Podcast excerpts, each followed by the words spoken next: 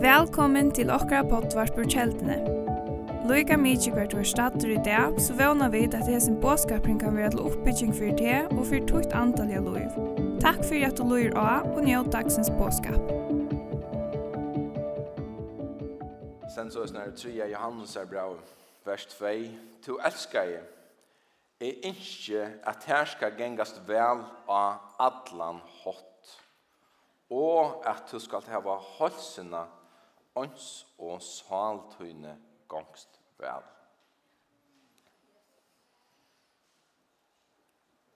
Jeg ønsker at her skal gengast vel av atlan hot, og du skal hava holsina ons og saltøyne gangst vel. Amen. Det er det som hesten her kære brøren skriver til Gaius, men det er røysen til han som god vil for jokken. Han vil at det skal gengast vel og adlan hot. Han tåsar om halso, ligamliga halso. Han tåsar røysen om salarliga halso, at det skal gengast vel. Og i fyrra Thessalonikobrau kapittel 5, her stendet det sålesnar i vers 23, Og Paulus sier, og han sjølver, god friarens, høyla gjertikken, öll som de er, og måtte bæge ande, sal og likamtikkere, være varvått fullkommen, avlastande, og i kom og herra okkara Jesu Kristus. Her så gjør vi at Paulus man kan säga när kommer till men det som är ute efter det det till det han nämner trutja komponenter eller trutja parter som vi som vi som människor kan man säga bestande av. Och vi har då en äldsta skriva till Gaius om att han skulle ha halsarna och att salen alltså salen var det väl vi. Och här tåsa Paulus, Paulus om att vi är och ande och vi är och sal och vi är och ligga. Det er lukka som det er ringt av skilja lukka som jeg sier tension av, och det er og øljane, som man sier, woven sama.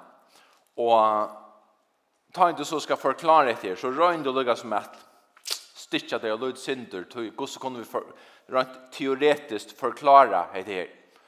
Och det som jeg har sett som utskrift for talen, det er det är andalig hälsa. Andalig hälsa. Ehm vi høyrer øyla nek ui samfunnan og i det er nek varspa fokus av ligamlega halso og det er nek fokus varspa av salarlega halso. Eh falka halsraje halde jeg det gjør et ordentlig godt arbeid vi lukka som at lysa opplysa om nokre vi skifter så løsner at menneskene kan hava det bedre gera gjøre imisk sosial tiltøk som gjør at vi får det bättre salarliga och så framvägs. Men tillräckliga skjoldan att lugga som och det här kunde vi heller inte förvanta av som man säger till värstliga hemmen att det täcker det andliga aspektet vi. Men det andliga aspektet är nästan det viktigaste aspektet av hemmonödlon. Tui till det som ger människorna hela.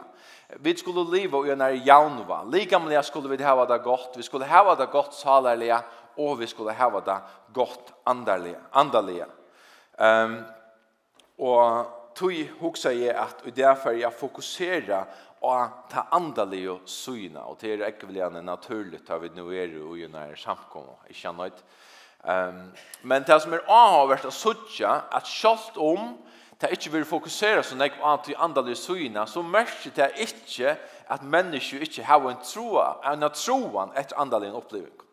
Sjølvt om du er vel for ligamlige, sjølvt om du er vel for så er det likevel akkurat som akkurat anna som lykka som, ah, det er akkurat møyr som jeg har bruk for. Det er akkurat som man har troan til noe annet. Og det er eisa og akkurat samfunnet. Det er nek mennesker som er ekvelig vel for ligamlige, det er vel for sanlige, det er trena, det er ukka og alt dette forskjellige, men allikevel så hører man en tørv av ferd til yoga, man har en tørv av lykka som at meditera, man har en tørv av at ferd mindfulness og anna og så videre. Kvui, du må søker onkra andalige oppleving. Ta ligger i menneskene at lykka som er feie, ikke alt oppfylt, bara vi tog som er suttje, det som jeg kan føle og takke i. Jeg er lukka som jeg må ha akkurat møyra spirituelt, som lukka som fytler til tomrum som ui okkon som bara Jesus Kristus kan fylla. Og tog er det så viktigt at vi øysne legger fokus av dette her. Tog at um, jeg har nevnt omkring denne fyr, Ta jeg var i India uh, og, og ta et her uh, man kan säga yoga mindfulness, meditation, nu sier ikke at du ikke skal meditere i Guds år, Jeg vil ikke gå grunn i Guds år, det her sier skriften at vi skulle gjøre, men det er ikke hatt av sleie av meditation som er tås i om i det, eh, som er lukket som ikke godt. Det er det her spretter alt ur østerlenskere religion, ur hinduismene og buddhismene, til her vi finnes her. Og ta videre vid jo at det lukket som øsne, man kan säga vid vid lukka som röna här i västra men avklia lukka som tan andaliga parten av oss ner tingnon Men, alltså, hver er jeg og to som kan avklæde noe som er andaligt? Det er ikke jeg som bestemmer om det er andaligt eller ikke. Det er andre natten for det som du åpnet opp for det hvis du først i holdt vi ser tingen i hebånd. Og tog er det så viktig at vi det varspa ljøsa jeg sier, og tog at det er jo som søtja hetta. Ta i vær i Indien, eh första färnar och i var i Varanasi ta som motsvarar Mekka för hinduismen här alla hinduister röjna koma och og och sin luft och att räcka ur sin ner hela och vatten ur ur, ur Ganges och onne här bort och så vidare så så sa är så otroligt en kvit människa Og vi vet jo at det, det, det er ikke lokal utbyggvar her på. Hvor mennesker, det er primært Europa, Vestrømmen og så videre. Og hvor færre det her på, tog det søtja andalige opplevinger. Det søtja nekka som er noe som kan få deg at noe som er nøkta og en innere tørv, men det er lumpa i. Tog man kommer aldri å bli fullt ut nøkta over eh, vi hesa i her slænen av eh, andalige troen. Och som jeg säger, det er bare dette tomrummet som Jesus Kristus kan fylla. Och det er bare Jesus som kan lukka som nökta händan her frierna. Till åkers väckna så uppsökar vi näka att vi kunde komma til en posisjon av frie, nöktsamme. Jeg prøves ikke å jage etter ødelens nærmere. Jeg har funnet det nå. Jeg har finnet det. Og Råabrau kapittel 5 Og vers 8 sier det så løsner. Rattvis gjørt av trygg hava vi nu fri vi god. Vi herre okkara Jesus Krist. Rattvis gjørt av andaligere troan. Rattvis gjørt av verskom rattfustgjørt av a liva vel. Nei, rattfustgjørt av trygg. Hava vit tui nu fri vi god, vi herra okkara Jesus Krist. Til han som kjever okkon hesa posisjonene av fri. Og vi har hørt nekva taler om det her i samkomne, til på støv som rattvus gjerringen avtrykk djevrok. Og vi hånden, Kristus, har vi omframt rattvus gjerringene, har vi øysene finne ekkongt ui trunne til hesa nøye som vi standa i. Og vi råsa okkon av vøn om dård gods man kan säga som ett bonus så standa vi i hesi her nøyd. Men det er friren som er ute etter, tog det er det som friren her som menneskjan løyder etter. Rattvis gjørst av trygg hava tid nu fri vi god. Og hva er dette for frier? Jo, vi kjenner vel til nekva og kun hava for harst shalom, shanait shalom. Og det er jo et øyla av vårt hotak, Og man kan säga oj så stora hela så märker shalom fullkommen frigjør, harmonier, hela lodge. Och det är det som Gud vill upprätta i människan, det här som var bråte. Han vill det göra helt åter. Han vill komma i sin frie. Och det grekiska året som är brukt här, det heter inte hebraisk skriv, det heter grekiskt. Det är ehm Irene, eller Irene.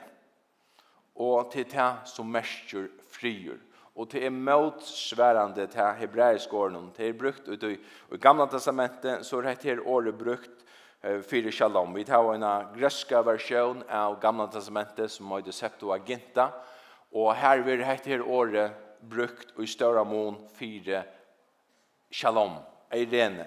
Så det er han friren, han fullkomne friren, fullkomne harmonier som er og to få tar vi er og koma inn, tar vi takka vid sikv, Trykva av Jesus døye. Trykva av god drøst nå fra hinnom deio, og så framveis.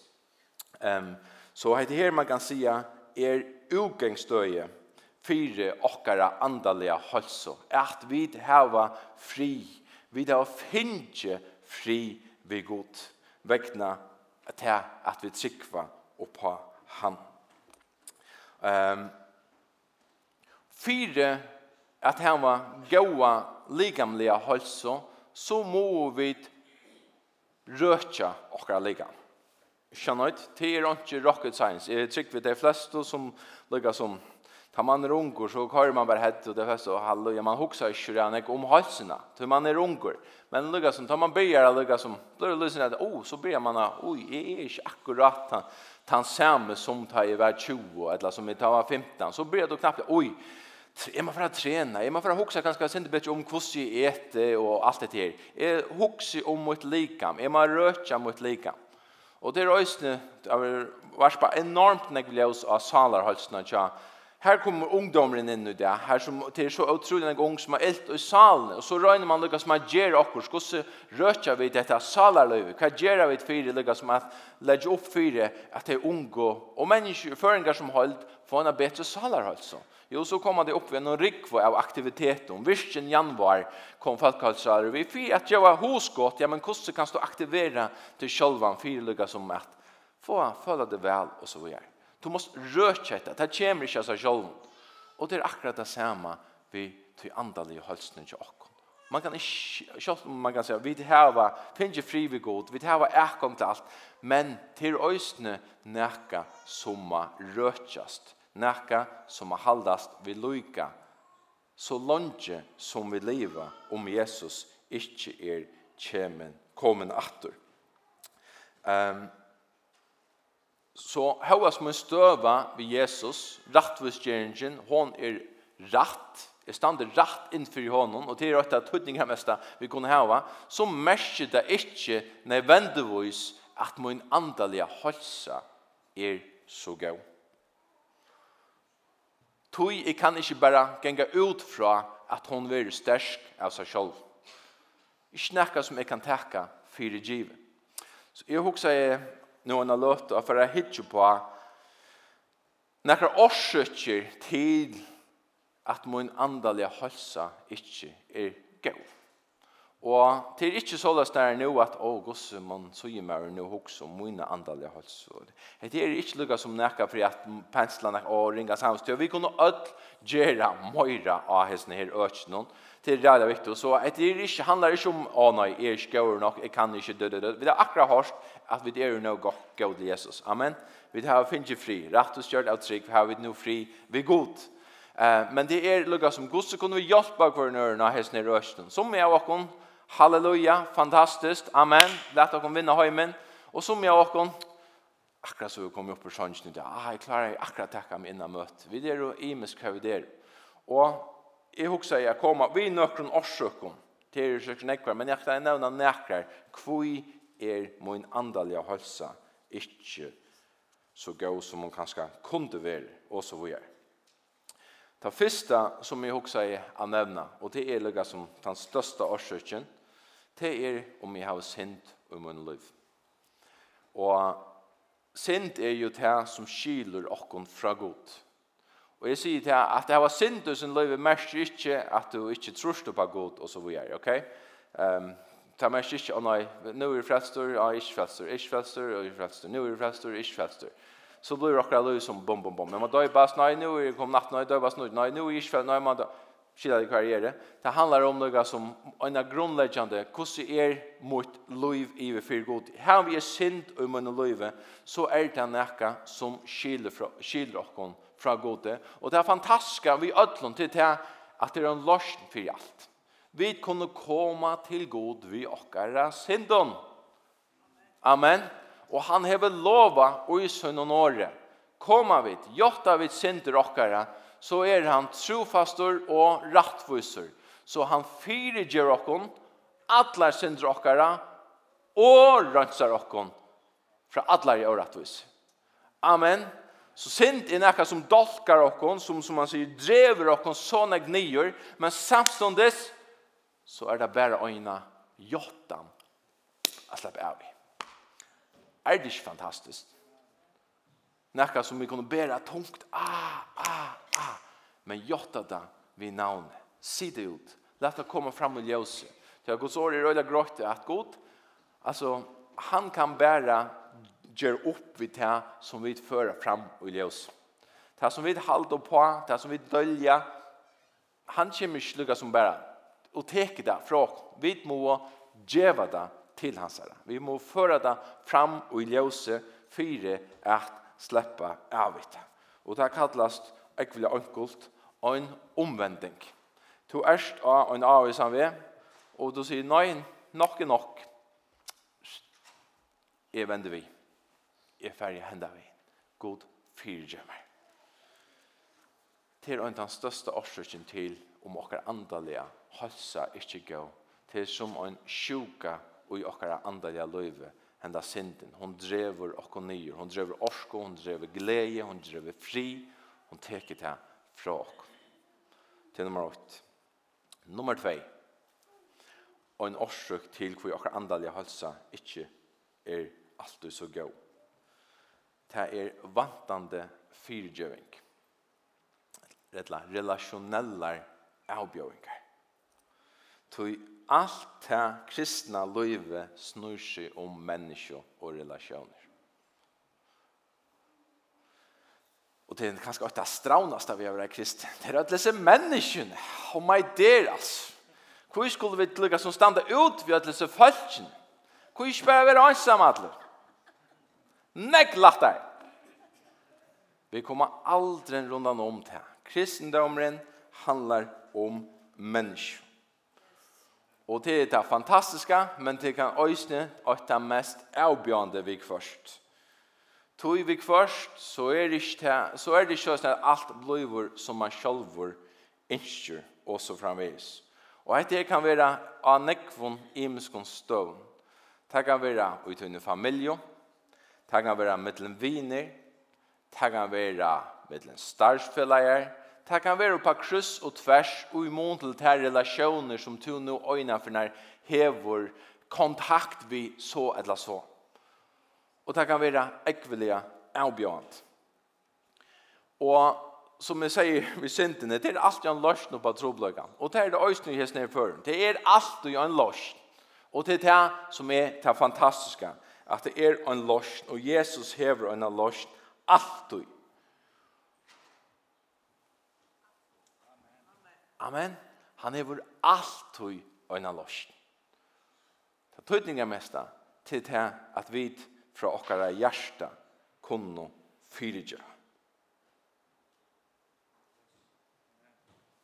Om det er så løsner her point, at du hever gjørst okkurst og møter okkurst, som du varst at du hever gjørst som ikke er rett som er sart eller okkurst så øyer du affær at du til vi kommande og be om fyrtjeng.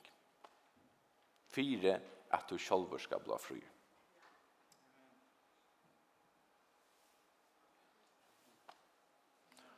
Og er det så løs at du vorst at onker av årøtten har gjort snakket med det her, men vi kommer ikke vare av det, så er du ut til noen hjerte at fyrirgjøve vi kommer. Vi kommer til å peiling av vi kommer til å gjøre det her to varsta, to generas til nada, to blir bla bitter i nata, to blir ikke kunna hitja den her personen i egne. Ta er det viktig at du ut noen hjärsta fyrtjur hos hesten personen, fire at du sjolvor eller sjolv kan blå sett og frals. Handlar som hin personen, det handlar om te. Du tar tinger te, det tinger til et andalega liv. Og det merker ikke at alt bliver som vi tar yngst. Tog vi kvart, så kunne vi ikke brøyda omstående. Sia er sia, sier jeg mer. Men du kan sprøyta hvordan du reagerer og på det her, uten noen hjerte. Og at du kan tidsja denne personen inn i egne utan nekka. Knag, utan bitterhøyt, eller hava nekka i måte vi kommand. Okej? Okay? Så omstøvnar kan ikke brøytast, men tutt hjärsta og imon til omstøvnar kan brøytast, og du kan føla det frujan i vi fyrhes ned. Og sier han, Djevel, jeg har ikke kommet etter. Jeg har lagt dette fram for Jesus. Han har tidskjær av oss ned. Jeg, er ikke, jeg har ikke brøyt omstøvnar, men jeg har bestemt meg fire at jeg skal ikke teka gledene fra møynen andalega løyve møyr. Jeg har gjort oppi etter. Matteus sier det øyelig godt, og i vers kapittel 18, tar søgnast og til kunne lese alle disse hendingsene. Hun er utrolig godt at det kommer til just dette. Og med denne skuldabundna tjeneren som skilda i sånn ekv, og så henne en tænaren som skilda nekv minne, og dødødødød. Og det er stendig nå, så løsner når endan her bønt. Herren sier vi hendan som skilda i ordla nekv, som ikke vil de ettergjeve øynene som skilda i hon ordla løyde. Sømte nu ikkje øysnet her at miskunna samtana av tøynum. Ønsk så er miskunna i her. Og herri hans herra vær ytler og let han bøl noen i hendur.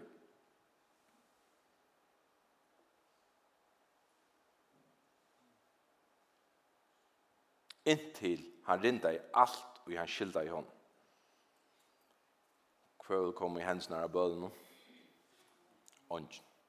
Ongen men han blev til inntil han rinda i alt og han skilda i hon.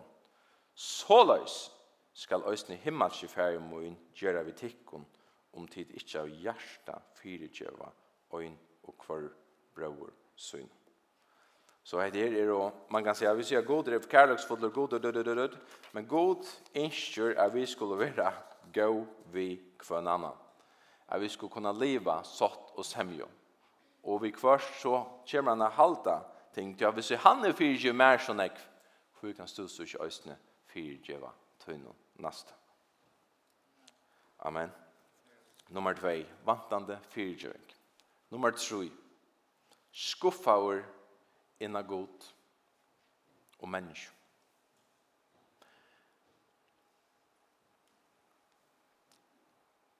Vi kvart så også god kvui skulle jeg til henda. Kvui skulde, kvui gjør det du ikke henda personen fruska. La kvui hendi hatt og hatta. Bara et størst spurnartekjen. Kvui. Og som et urslut av tog som hendte, så kan man bliva skuffaur innan godt.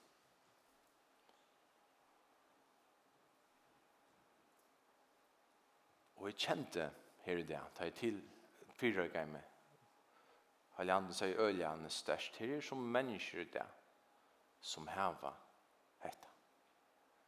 Det er akkurat hent ut under løyve, tunnare forstøy, og til først til at du ångst god ah, mot andalega løyv, altså at, lukka som du kjem bærs atra, rattan kjøl atra, hetta gjør det sånn jeg vitt. Men jeg har en halsan til tøyne det. At god, han hever alt i sin hånd. Han hever tøyt løyv i sin hånd. Han hever så større omsorgan for det her. Vi, han har aldri lova at vi skulle skilja alt. Det stender omgastans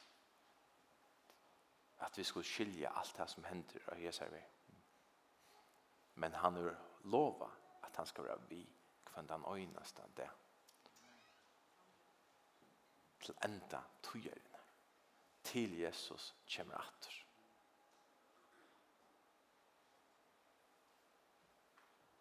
Og øysten til som kanskje er skuffa av det kan være akkurat av okkom, det kan være med personliga, eller Paula eller Lorslina, du er skuffar. Hm, typisk. Så må vi bare be om fyrtjøring for det. Til ikke okkara intensjon å skuffa nekran. Vi tog, omgant og så slett ikke vi tog resultatet at du trekker det andalega. At nøkker borsk råd slipper å vekse fram som gjør at du ikke klarar å takke motor, tog som vi kommer vid ta vil jeg be om fyrtjøring hvis jeg har vi gjørst her vi til.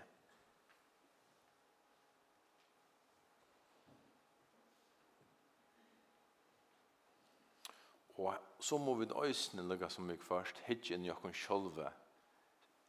Ah, er, omkjelde jeg utrykje, men er min trygg så lydel at om en person skuffa meg, så vil jeg ikke god. Omkjelde jeg utrykje. Her halte jeg vidt holdt en fantastisk tale og sørste sondag om mennene i Daniels bøk som vil i hei. Tar vår av ved, bla kastar i eldsånd. Og kongren sier, hver kan fruja med ur munnen hånd. Hver kan fruja tikkon ur hesen omstå som er har totalt valda. För kan fri. Og så sier der, Herren god er mentor. Og så er vi er. Og det här vi jag, han er mentor. Det han kan alt. ikke er gode og mulig. Men så er det å si, i vers 8. Men om så er at han gjør det ikke. Om så er at de ikke får et bønnersfær hjemme. så skal du vite kongren. Så skal du vite det rugga jeg ikke vi tar av trygg. Tryggven var ikke lukka som avhengig av til nasta bønarsværen som det fink. Utan hun var forenkra nekk djupre enn det. Og til her øyne vi må komme til at god, nå sverre du ikke hans, nå fikk jeg ikke, nå ble hatt ikke mild. Akkurat trygg må være grunta djupre enn det. Etter å komme vi til ikke standa. Så vi kommer ødel, ødel, a møta omstøvån Her som vi tok seg god, kvui er. God, kvui lovet du meg, er tutt baden, vi der og en sottmala to er. Kvui er. Komma, ongen er undantidig. Men han er framvis av trånene, han er framvis alt vald i himna gjør, han kommer framvis av en det at hekka öll tei høym som oja han. Amen. Halleluja. Så lät ikke skuffelse teka etter herfra til tunne andalige hals. Amen. Nummer fyra. Jeg bruker ikke tøy sammen vi god. Les ikke i Bibelene, be ikke, kom ikke av møte. Til øyne en årsøk, fire, ringa, andalige hals. Vi gjør noen, jeg gjør ikke bruk av ödlen tøy som god hever givet mer fire at kunna koma til han. Hans herre år, bønen, samflai. Jeg gjør i alt møvlet anna og i steinfyr. Jeg har unga andalega disiplin. Og disiplin til nesten et banjår i samkom. No, no, no, no, no, ikke disiplin. Men sannheten er han at vi tar bruk for det andaligere disiplin. Akkurat som vi tar bruk for disiplin for at takk og genga inn i treningshullet, kara horene opp og fære rennebandet, eller hva når vi gjør det, så har vi et øyne bruk for det disiplinsyse, det som ikke gjør det. Jeg, jeg fordømmer meg selv, jeg gjør det, jeg er vanlig til å gjøre det. Men nå er det ikke det som er dømt. Pauli er nekk bedre ned, til så gjør jeg så fyrt han er. Gleder meg til å bli lukket som han. Men... Uh, andaliga tala så må vi då istället tacka och fram öppna biblarna läsa det som händer vända telefonen vi slötta sjönarpe alt annat som robar efter oss fyra att komma til han Så det krever disiplin å røtja okkara andaliga liv. Og alt for søtta. Amen. Halleluja. Og som av okkon kunne være utrolig aktive i samkomne, og det er fantastisk, men til at være aktive i samkomne, merker ikke bøgnløs at du er sober andelig. Wow! Hatt har du hørt her. Til at du er sober aktive i samkomne, til å slett ikke merke at du er størst person forhold til Jesus.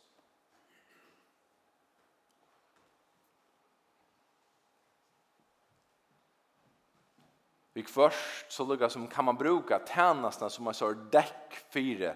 Oh, ja men är det hette det hette det Men hur är det väljande vi tvinne andaliga hälsa? Hur är väljande vi tvinne personliga förhållande vi Jesus?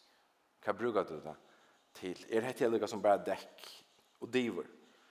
Så det första kattle som vi har det er att vara tillbjär. Det är det allra, allra första kattle vi har at røtja og dyrka okkara samfla ved Jesus. Som et urslit av tøy, så kommer hit. Tøy, ta gjerda, tøy i elskje Jesus. Jeg gjer det ikke av plikt, jeg gjer det ikke av Paul eller Bekve sier at jeg skal gjøre det, men jeg gjer det, tøy i vil tøy tog jeg gjør en sannor tilbjer. Det har føyest naturligene ut fra tøy.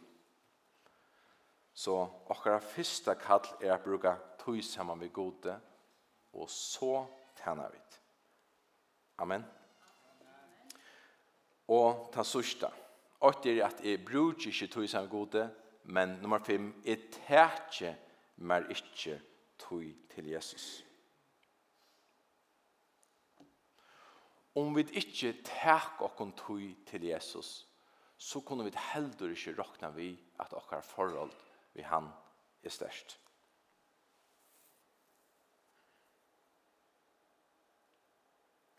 og selv om vi har nekvar ære oppgaver og ære mater, som vi nevnte og Jan.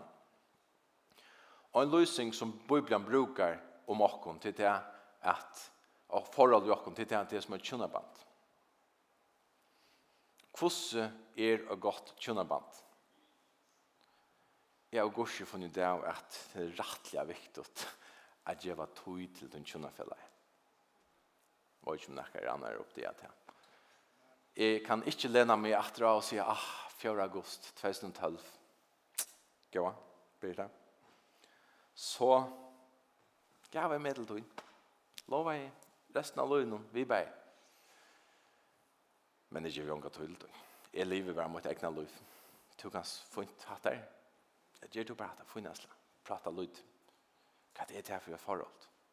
Det er ikke gå ut litt for at, som man sier, sikla med legeringen Vi skal si säga det til nek som er är her, men tar man jo fyra småböd, det gjør det helt inte glatt der. Her må man verkligen göra en innsats för att finna togna. Ikke bare øyne fra måneden, men helst kvann det. Jeg sier ikke at vi klarer det kvann det, men helst kvann det. Fyre at du skal heva øyne, gåa og sunna relasjon. Jeg må takke meg togene til det. Jeg må legge forskjellig til suyes, hva skal jeg kan ikke gjøre det nå, nå må, nå er det jeg to. Bøttene har lagt seg, nå er det det, hvordan er det der hun vil, hvordan er det gynns? Ok, ok. Og blodet for lengt i midtelen, så føler man denne frustrasjon som blir lykkes med bobler, man blir stresset, bom, bom, bom. Så vi er bruk for hesten her. At det er tog til for en annen. Og særlig at de som har det som et kærløksmål, tog, kvalitetstog, ta er det eika, eika viktigt. Vi har hava til flesta av okna har søvn og Marie og Marst. Jesus kom til henne.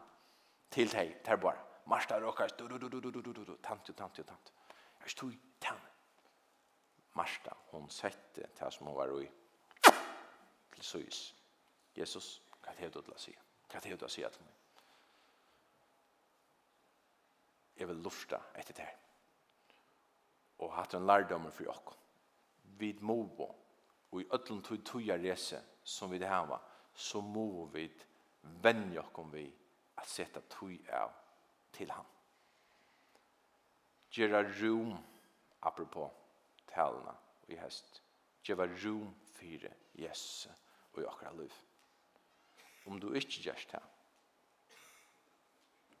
så kommer forskjellet inn som ikke øyer et land. Ikke godt fire te og fire med. Så er det meta det viktig. Og til fullstendig å lugge mye. Ja, men vi kan aldri bruke, ja, men er det så, så viktig, er det så busy, skilda meg, men jeg har ikke tog for Jesus. Og man sier, hva gjør vi der? Hva er det for utbyggingen vi har? Hva er det for arbeid vi har? Hva er det status i samfunnet vi hava, öll er lykka. Vi hava öll bruk fyrir at seta hesa tøyne av, personliga tøyne av, fyrir hon. Amen. Jesus sier således nær i Matteus kapittel 6 og vers 6. Om du nå skulle finne ho at bya, fær så inn i kamertøyt. Lært atter hårene. Ta ut og føle for du, fær så inn i kamer. Nei, nei, nei, nei, nei, nei. Han sier, men to, ta ui to byr. Vi gjør nåren. Tisjen spurninger om to byr. Ta ui to byr. Fær inn i kamertøyt. Lært atter hårtøyna og be til færetøyen som er i land. Ta skal færetøyen som ser i landen lønat her. Hette det som Jesus sier ut ur kjendaste prætikene som nekran du helt fjalla prætik. Ta i to be.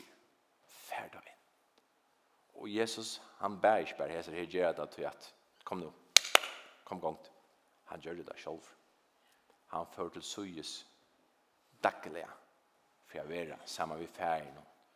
Så det var all nøyot for hans liv her å gjøre at han brukte øyne løte og kvendt øyne så det. Onkra løte var sikkert stittre, ære var langs. Han skulle velge lærersvannene, og en viktig avg, der som skulle vara samkomna hvor jeg fasta i bæ alle nåttene. Tøy, det måtte bli rett om Jesus hei bruk for det, at vi er sammen med færgen på henne maten, så her var jeg og to og fætligene når jeg bruk for to i Østen.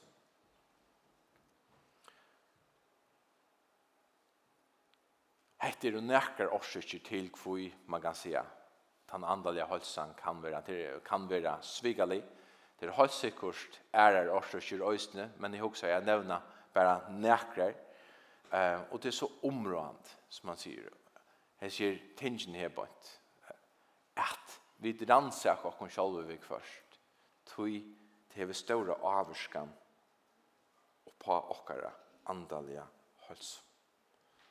Og som jeg sier, Jane, årsøkken til at eh, jeg tar ikke frem i morgen, til ikke tøy at kom nå. Nei, jeg husker hvordan kunne vi hjelpe hver nøyre nøyre nøyre tog vi der kattla til å være brennende kristen. Det er så rære enn jeg stått til å kunne vise, ah, men jeg brenner, jeg elsker Jesus, jeg lyser Jesus, enn å være en kristen som gong vi holder inga sammen, skulle jeg, jeg burde, jeg burde, jeg burde, jeg burde. Det er så rære enn jeg stått til å Og hvordan kunne vi hjelpe hver nøren enn å gjøre det her? Hvordan kunne vi få hver annan at brenne og lyse for Jesus? tog en god andalig hølsa er en forsett for jeg brenner. Det er bare så. At okkar forhold til Jesus er intakt. Okkar forhold til relasjoner undan om okkon er gode. At det her, jeg sier ikke som man sier, vi vet jo, vi, vi er jo en fallen heime, og sånne ting får vi ikke gjøre snakka vi. Men det mest inte ikke at du uten hjerte ikke kan ha det godt. Det er det aller viktigste, hvordan ser du et hjerte? Ur er någon noen ganger, løyve er hjertet holdt, ja, men så er forskjellene for øyne ikke øyne øyne godt. Og jeg elsker dette her skriftsteg ur Hebreabraun kapittel 12 og vers 24. Lært i okkom, djeva gætur kvar et rør, så vi få kvar annan a brenna i kærluka og gavun versk Og ikkje djeva pæt a komma saman kvar vi annan så vi får eh så där som syr är inte som men amena för annan och ta så mycket mer som det såg där närskast. Lät jag lät jag kunna göra gator för ett rör. Visst ni har sen här öch någon hepa. Få kan annan att bränna. Vi vet ju folk som har ringa eh likamliga hals. Hur ser jag ah men okej första vet. Det borde vara samma vi som man kör gå andliga hals. Per vet jag vad kan det göra för jag får det vi att ni uppåt Amen. Amen. Så det her er det lukka som rannsakande spurningar som vi kunne lukka som skanna okkom vi, seta okkom sjolv, sjolvun i mån til okkara andalige hølso og spyrja hvordan er min relasjon. Amen. Og et anna som man òsne kan spyrja seg sjolvan, eh, det er hver er god for meg? För är god.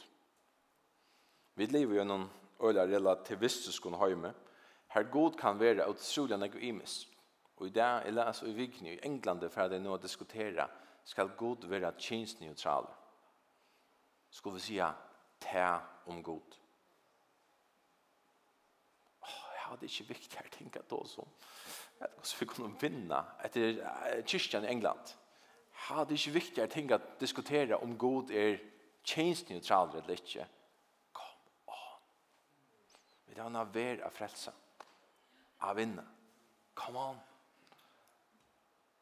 Som sagt, relativisme. Før er god. Ja, men han er hatt for meg. Du, du, du, du. Det kan være imest. Hun er også spørs, hvordan behandler jeg god? Hvordan færger vi god? Og av spørninger som vi setter og i oppfylging, oppfylging av tilfellene som vi brukar, tar vi loja folk og i oppfølging. Og for somme, så er god som en fyrstjåttpartaske. Og hvert brukar man en fyrstjåttpartaske til? Til da det råkta kått. Akkurst neistøva. Hva er fyrstjåttpartaskan? Hva er Hvordan ofte du bruk for det? Vånande ikke ofte. Men så løs er det som mennesker. Det er en kris i løvnen. God, jeg bruker for deg nå! Hva er det? Måtte være ikke omkring her nå i morgen. Hva er det nå?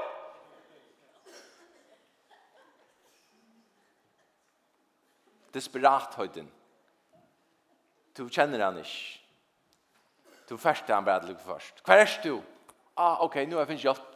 Takk for det! Per Orvid fysiopartask.